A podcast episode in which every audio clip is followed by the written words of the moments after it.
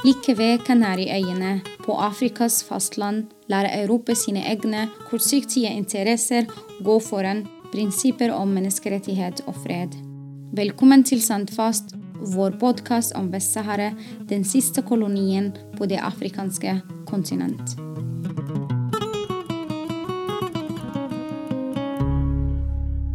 De okkuperte områdene av Vest-Sahara bygger den marokkanske kongen personlige energiselskap, store parker med vindmøller. I dag skal vi snakke om hvordan fornybar energi har blitt et hinder for å løse Vest-Sahara-konflikten.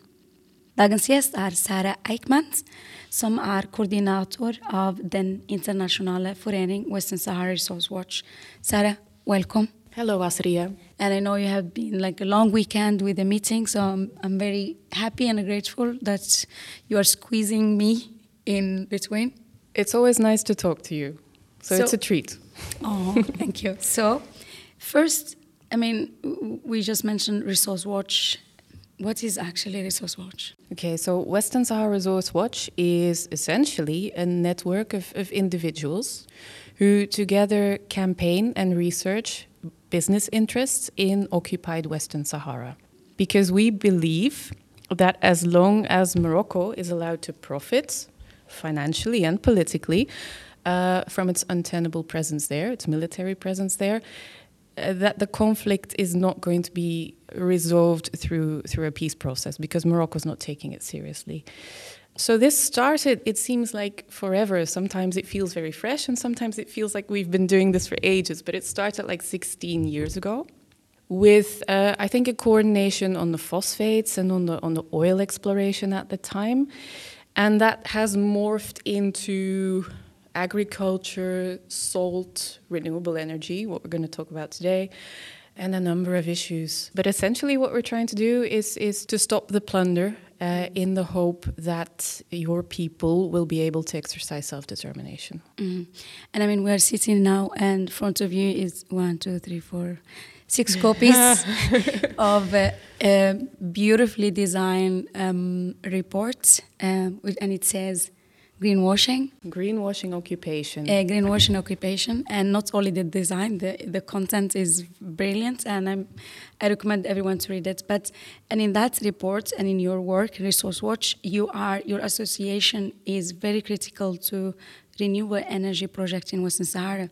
Could you speak about the dilemmas or the problems that uh, you are concerned with? Yeah, okay. Maybe first to give like a baseline on what we're talking about here.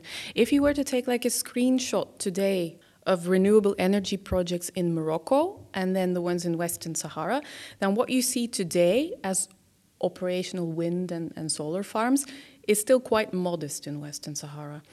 But if you look at what is under construction and what the plans are towards the 2030 horizon, so the year 2030, you see that Western Sahara, in terms of energy generation, becomes very important to Morocco. Like just on wind energy, we are talking about more than 50%. So by 2030, if everything goes ahead as scheduled, and that is, of course, always an issue in itself, but if all goes as planned, by 2030, the share of wind energy generated in Western Sahara will represent more than 50% of the wind energy that Morocco is generating. Wow. In terms of solar, it's a little bit more modest and it's also a little bit more difficult to, to understand. There's a lot happening on the solar, and I understand that, that Masen, the um, Moroccan agency which has taken the lead over the renewable energy projects, there are some issues internally, particularly in relation to solar energy, but there as well, Western Sahara may by 2030 represent about 33% of Morocco's total solar energy generation. So that is a lot. And if you consider that, there are, of course, a few, a few dilemmas or, or problems that emerge from that basic assumption or realization. First of all, the energy projects that are already operational today serve to provide the energy that Morocco needs to plunder other resources. So, for instance, the uh, the Foum El Oued wind farm, which is a 50 megawatt wind farm, that provides all the energy that Phosboucraa needs to run. So the excavation, transport to the port, and everything. So that runs practically entirely on wind energy. Aftissat, which is a bigger farm, which is 200 megawatt, also services industrial end users. And you see this also, you notice that this is, that this is a subject, that this is an objective. For instance, if you look at Noor Dakhla, which is just still in the planning phase right now, but the fact that the location will be close to the agricultural sites tells you everything you need to know. Yeah. So that is a problem. It is also a problem that Morocco will become dependent in part on Western Sahara for the energy it needs. It means that it entrenches, in a way, Morocco's occupation or its need to, to be present in the territory just for its own energy needs. There's also the, the dream of Morocco to be able to sell renewable energy to Mauritania, yeah. to, to, to different European countries, to the EU as a whole. That, of course, means that the political position of these countries on Western Sahara will have to take that element into consideration. So again, it is it is making the whole peace process a lot more difficult. And I think that is ultimately what is what is our main concern uh, with regard to renewable energy. It is undermining the peace process because Morocco has a need, a further need to be present in the territory. Adding to that, that the king of Morocco himself is profiting on the back of these wind farms. There is a company called Nareva, which has all the, the, the, the current wind farms in Western Sahara in its portfolio. So, if the king of Morocco himself is allowed to profit personally of these projects, he's not going to have an incentive to really take UN peace process very credible. So it's a big development and it's one that is not receiving the attention that it needs. But yeah, it is one that definitely deserves to be raised a lot more. And especially now yeah. with all what is happening in the world, and yeah. But um, I just want to say one thing: we are sitting in a random room. There is uh, some natural noises, and others. someone is vacuuming outside. So I'm just sorry for the people who are listening. um, but uh, which companies are behind this? I mean, you mentioned the Moroccan King, yeah.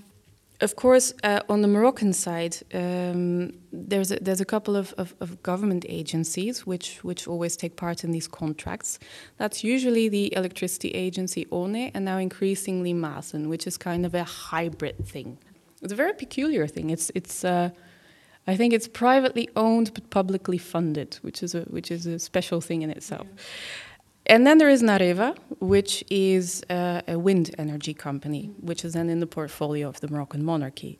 I think initially uh, there was a need for Morocco to find, you know, expertise in renewable energy outside of Morocco proper. So you see a few bigger names come into come into play, like Siemens. Siemens is one of the bigger one. If you look at the currently operational wind farms, there's a there's for each and every one of them a connection to Siemens. They're all running on wind turbines provided by Siemens. Another company is Enel from Italy, which has a special contract with uh, the Moroccan government to install five wind farms, and two of those are in Western Sahara. One of them is at present being built. It's in Boujdour. It's the biggest wind farm in Western Sahara to date. It's 300 megawatt. That is huge.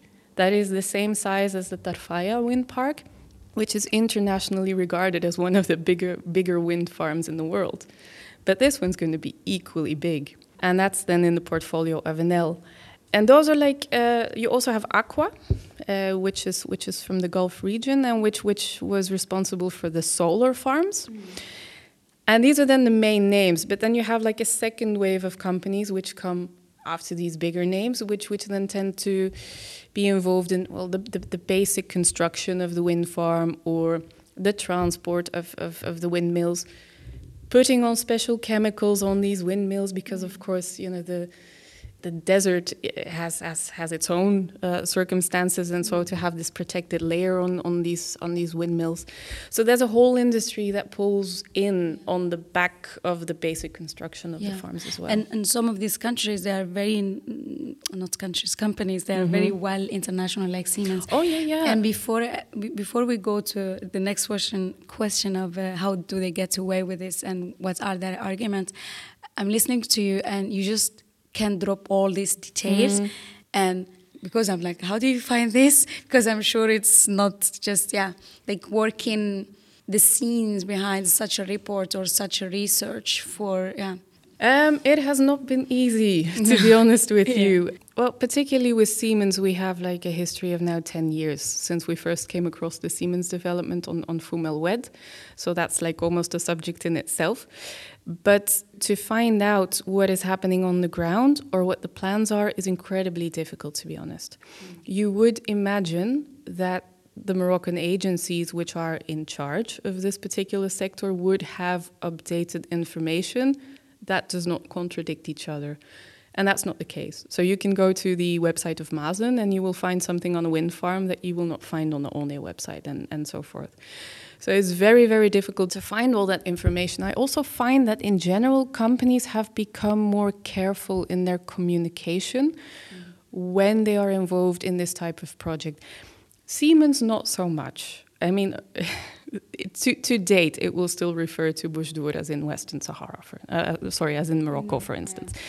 But there are other companies w- who would not even mention Western Sahara or a city when they say they have a contract with um, with ONE or Masen for, let's say, a substation to a wind farm, and they will simply give a description of a project that they will do in Morocco. And then, of course, it, it, that means that you will already have to have some kind of a background knowledge on what projects are in the pipeline and can this correspond to something that I saw elsewhere in relation to Western Sahara. Try to match all of these different elements together. Try to contact the company on, on, on the basis of something substantial. And then in the end, you know, sometimes it's yes, we are indeed involved there. you know, without without trying to step into Yeah. the geolocation um, swamp that, that comes with Western Sahara. So it's very, very difficult, really, to to find out who is involved and who is doing what. I do think that what we have in the report is the most updated uh, information that you will find. We've used Moroccan sources for obvious reasons because they're the ones that are running these projects, but also maybe to give you an indication on how fast things change and how fast this development goes. I, I feel like I've lived with this report for a very long time. And so I was really happy when we published it in early October last year. And then three weeks after, things had already changed. So in our report, we make reference, when we try to give the overview, we make reference to a wind farm that is planned in Safi, in Morocco proper. And then three weeks after the launch of our report, the news leaks that this particular wind farm, which is in the portfolio of a company that is owned by the Prime Minister of Morocco, the millionaire Mr. Aziz Akhanouch, is now going to be located in Dakhla. So that's how fast things can change all of a sudden. What are their arguments? How do they get away with it when it's very clear? Yeah, and uh, actually, in writing this report, we, we came up with an idea for our website, which is now one of the elements in our website that are maybe cherished the most, and, and people can go and have a look at it. It's, it's all the way at the bottom of the website, and it's called How the Companies Argue. Because they don't tend to be quite original. And after you've been doing this for a while, whether it's it's on the phosphate sector or the fishery sector or now renewable energy, you you see that there are elements which always come back in their line of reasoning. So we tried to summarize it there, but some of the main ones are particularly for renewable energy, we're not actually taking anything away. We're not removing any resources. We're not doing any excavation or so so we're not doing that. And that might be true, but they are providing the energy that the other industries need to um, to do the excavation a- Yeah. and to remove the finite resources. So that is that is there a counter argument that you can that you can make.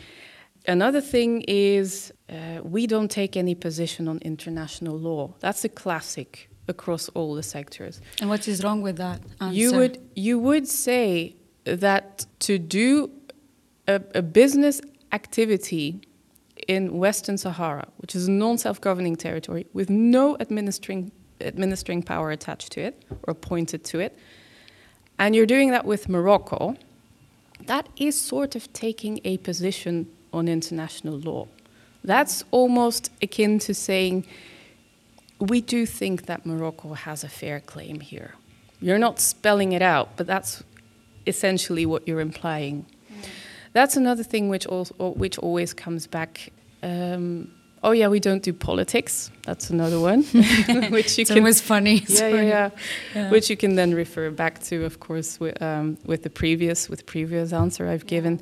But there's a number of these these these catchphrases which get thrown around a lot, um, and and which makes absolutely no sense when you really really study it and, and what's and what's Morocco is throwing around, around in a sense is that they are. I mean, how is possible that Morocco is able to report projects in Western Sahara to the UN? Oh, okay. Is, is that even possible? I mean, I maybe I can. If answer coming from the company, I'm like, yeah, okay, but from the UN. I know it is quite shocking. Yeah. It is quite shocking. Um, so you have a body called the UNFCCC, uh, the United Nations Framework Convention on Climate Change. Um, and it's in that framework, you know, the, the, different COP meetings that we always see every year in the media, where all the countries gather and then pat themselves on the back that they're saving the climate. No, so in that framework, you had the, the Paris Agreement, and as part of the Paris Agreement, the, the, the parties to the UNFCCC agreed that they re would report on what they are doing to well, mitigate, I guess we should say, climate change because we're not going to stop it anymore at this point. So you do that through an NDC, nationally, nationally important word, determined contribution. So what Morocco is doing, it is providing this, this NDC to the UNFCCC Secretariat. And it's, it's, it's not actually saying that it's doing anything Western Sahara, of course, because Western Sahara doesn't exist for Morocco, but it enlists the wind farms and the solar plants and everything else as part of what it is doing to mitigate climate change. You would expect a UN body to adhere to like the central UN position, which to date still is. It's a non-self-governing territory with no administering power in place. So the UNFCCC takes in this information and really does not do anything with it. We contacted them and this episode to me was like, do you know the emoji with the exploding brain? Do you know that yeah. emoji? That, in a way, describes a bit my feeling towards this particular episode. Because if you go to the website of the Secretariat of the UNFCCC, it says that their mandate is to review the information submitted by the parties.